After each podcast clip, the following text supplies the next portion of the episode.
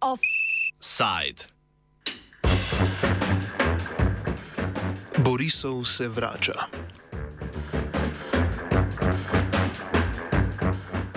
Tisti prebivalci našega planeta, ki imajo občutek, da je predstavniška republika oblastniški model, ki zastopa njihove interese in izpopolnjuje njihov vsakdan, so pretekli vikend praznovali. Parlamentarne volitve so namreč potekale v Braziliji, Latviji, Bosni in Hercegovini in v Bolgariji. Prav slednjim se bomo posvetili v današnjem offsajdu. Na predčasnih parlamentarnih volitvah v Bolgariji je s 25 odstotki prejetih glasov slavila stranka Državljani za evropski razvoj Bolgarije, krajše Gerb nekdanjega premijeja Bojka Borisova. Na četrtih parlamentarnih volitvah v zadnjem letu in pol je z dobrimi 20 odstotki drugo mesto zasedla stranka Nadaljujmo spremembe zadnjega premijeja Kirila Petkova, ki junija letos ni prestal glasovanja o nezaupnici.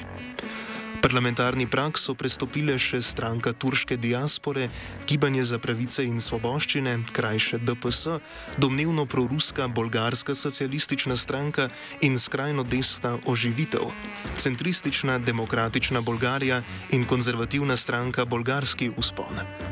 Borisov, ki je funkcijo premijeja zasedal že trikrat med letoma 2009 in 2021 in je premijer z drugim najdaljšim premijejskim stažom v zgodovini Bolgarije, bo tokrat zopet prvi dobil priložnost za sestavo koalicije.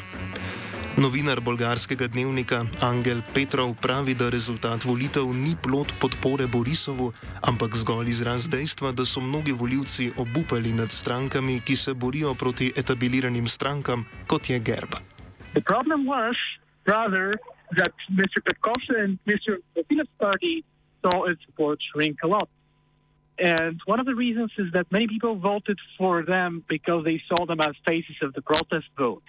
As possible heads of a coalition that could topple uh, Mr. Borisov. It's not necessarily uh, the, the vote that was last year, which was something like maybe a four, uh, 25% bigger than, than what they have now. Uh, it, the reason for it was that many people saw them as an alternative to Borisov, as someone who could finally, A, have a reasonable, sound unpopulist, let's say, voice, even if they dazzled some people by suggesting they were going to do left wing policy with right wing ideas or whatever uh, th- this was. And secondly, uh, uh, that happened a year and something after the the protests of 2020 that uh, that that saw support for GERB wane. Uh, Borisov's support had been falling for some time, and this what we had on Sunday was far from being its best result. It's just that many people who had voted in protest uh, uh, against Borisov by voting for uh, Petkov and Vasilev's party just just uh, just decided to give up. Just decided they they didn't deserve a second chance because of different re- because of the reaction to different things that happened during their government because of of, of, of the polarization that that came uh, that that is coming with uh, you know with this uh, tough winter narrative, with the inflation, with the war in Ukraine, and many people just just went away from Petkov and Vasilev. O apatiji voljivcev priča tudi najnižja udeležba na volitvah v zgodovini države.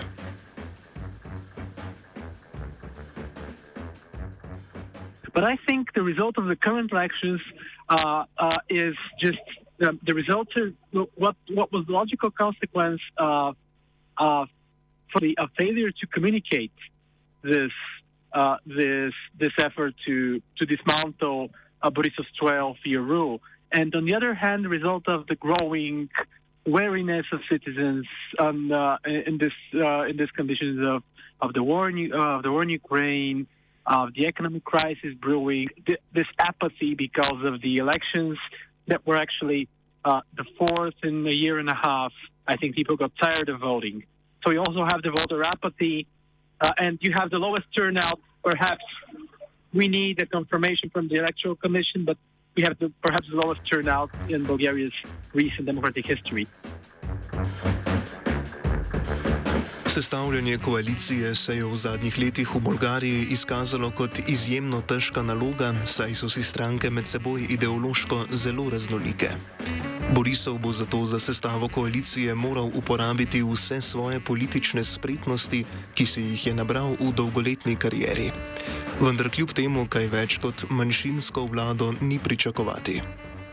First, yes, in theory, he could build a coalition. He could build a coalition based either a minor, either minority cabinet or a coalition based on floating majorities, meaning uh, one majority supports this policy decision, the other supports that policy decision, which of course is a hugely volatile, volatile coalition that could be very easily be toppled.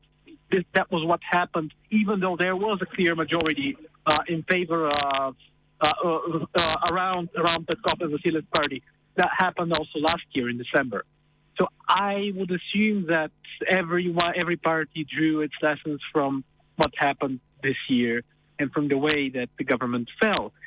As one party withdrew support, you can imagine that with a, with a minority government, it could be it could be even even easier.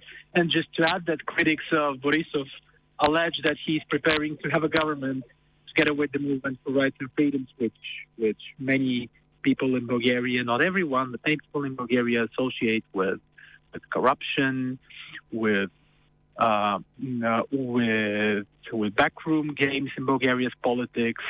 Uh, no, nobody can prove nothing. So this would be just a libel. But the fact that the movement for rights, rights and freedoms in a vast part of the electorate is seen as a face of corruption uh, at a at a time when GERB is trying to reestablish its its credentials among the young active part of the population, especially in big cities. Of course, GERB's electorate is to a, to a large extent uh, voters are are from smaller towns, people whose jobs are in a way dependent on the local authorities being from GERB at the moment. Uh, but I think for part of Bulgarians, it, it, will, it will not be politically acceptable and tolerated to have a coalition with the Movement for Rights and Freedoms. And the other potential partner is such a three-way coalition because needs, need at least three parties would be Revival or Vazrazhdane in Bulgaria, this far-right, openly pro-Kremlin party, pro-Kremlin party, which is copycatting pro-Kremlin narratives either from the Kremlin itself or for, from pro-Russian parties across Europe. And yet alleging that and Borisov alleging they're they're a pro hugely pro European pro Euro Atlantic, uh, it will be a bit a very tough sell to their electorate to join hands with with revival. So uh, a government majority looks almost impossible.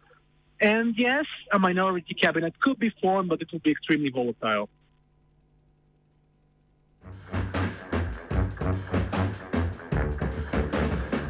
Stranka DPS, ki zastopa turško manjšino v Bolgariji, bo torej najverjetneje del nove bolgarske koalicije, če bo ta sploh sestavljena.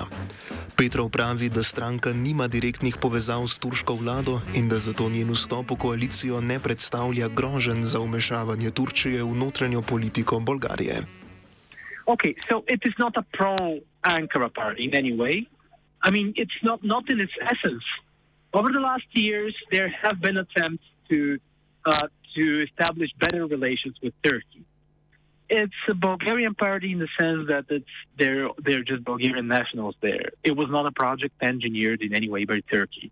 It was established in the early 1990s, and actually, uh, it doesn't really have it hasn't had good relations with Turkey for much of for much of the time. I maybe you remember that in 2015 when this fighter jet crisis emerged between Russia and Turkey, uh, there was an attempt to split the movement for rights and freedoms, engineered by in a in a weird way by the two countries.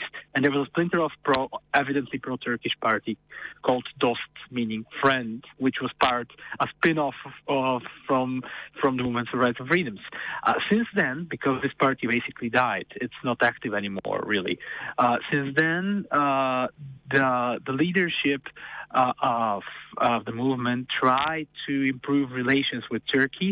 And of course, you, you've seen the news about about uh, vultures in Turkey with Bulgarian passports voting in masse for the government, perhaps.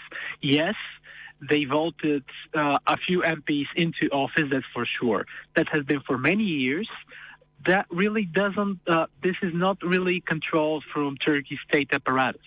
Turkey doesn't mind having an impact on the Bulgarian election in this way. But mind you, most of, of the voters of Bulgarian Turks are oftentimes not really pro pro Erdogan. Uh, so it has little to do actually with, uh, with, with the top of the Turkish state at the moment. Kot skoraj povsod v svetu je vojna v Ukrajini na vsakodnevnem meniju tudi v Bolgariji. Zato je vprašanje, kakšen odnos do vojne in sankcioniranja Rusije bo imela Bolgarija, če bo koalicijo sestavljala proruska skrajno desna stranka oživitev. Petrov je mnenja, da tudi če se to zgodi, to ne bi pomenilo, da bi Bolgarija svojo politiko do Rusije spremenila.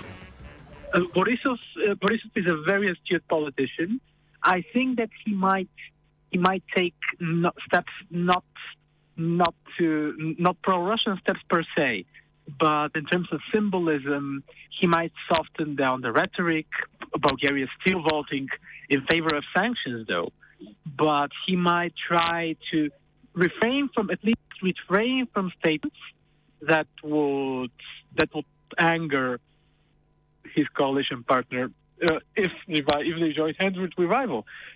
I think he knows how to, to outplay any party that stands in uh, in his uh, in, beside him as a coalition partner. You saw what happened to the uh, to the to the far right, to the nationalists who uh, were the architects of the conflict with North Macedonia. I mean, they they failed to to pass the barrier four times in a row. They are not in this parliament anymore, even though it was they and not Borisov who who who began this the, the, this dispute two years ago. So he knows how to deal with coalition partners. Deal, I mean, discard them after after they've been together. Of course, right now I agree that the reputational damage for Borisov from such a game, even if he ends up discarding revival, could be huge on the European level because you have many black swans. You don't know how the war in Ukraine will go. You don't know the crisis will go. You don't know whether whether NATO won't get involved. You have this constant talk about the nuclear threat. Uh, so the situation is almost literally really explosive, and it will be much more difficult to play uh, this small politicking that Borisov is always um, always has always been used to doing and has been very good at doing. Uh, so uh, that's why I think it's highly unlikely that he will join hands with with the revival. But of course, we shouldn't rule this out completely. Ena najbolj perečih tematik v Bolgariji je vedno tudi odnos do njene zahodne sosede, Severne Makedonije. V zadnjem času je bilo v ospredju vprašanje začetka pogajanj za vstop Severne Makedonije v Evropsko unijo, ki ga je Bolgarija dolgo blokirala, kasneje pa postavila zelo rigorozne pogoje.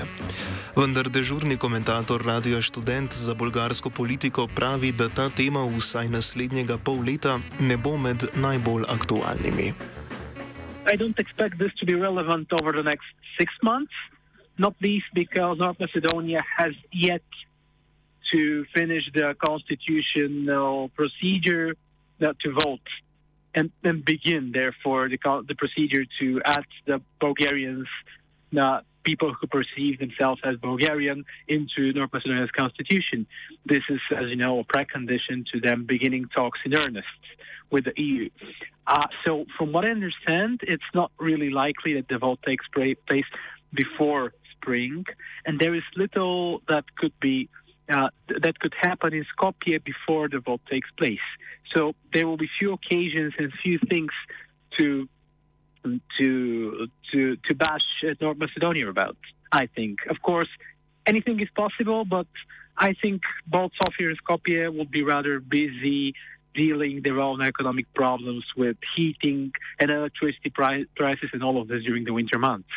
Of course, the topic could always be activated uh, should a politician either in Sofia or in Skopje uh, see uh, see a benefit from it and see a way that they could enforce their support before the the next elections, if there are such, or or to distract to distract attention from from domestic crisis. Of course, this could always happen. This is unpredictable, and Borisov has always been a bit unpredictable. But there isn't much reason right now to add fuel to the fire. Nove predčasne volitve v Bolgariji ne vlivajo ravno veliko optimizma, da bi se lahko sestavila stabilna koalicija, ki bi zdržala do konca mandata. Parlamentarna demokratična republika bo tako v Bolgariji najverjetneje doživela že četrti poraz v zadnjem letu in pol. Offside je pripravil Fina. Oh. Oh. Oh. Oh. Offside.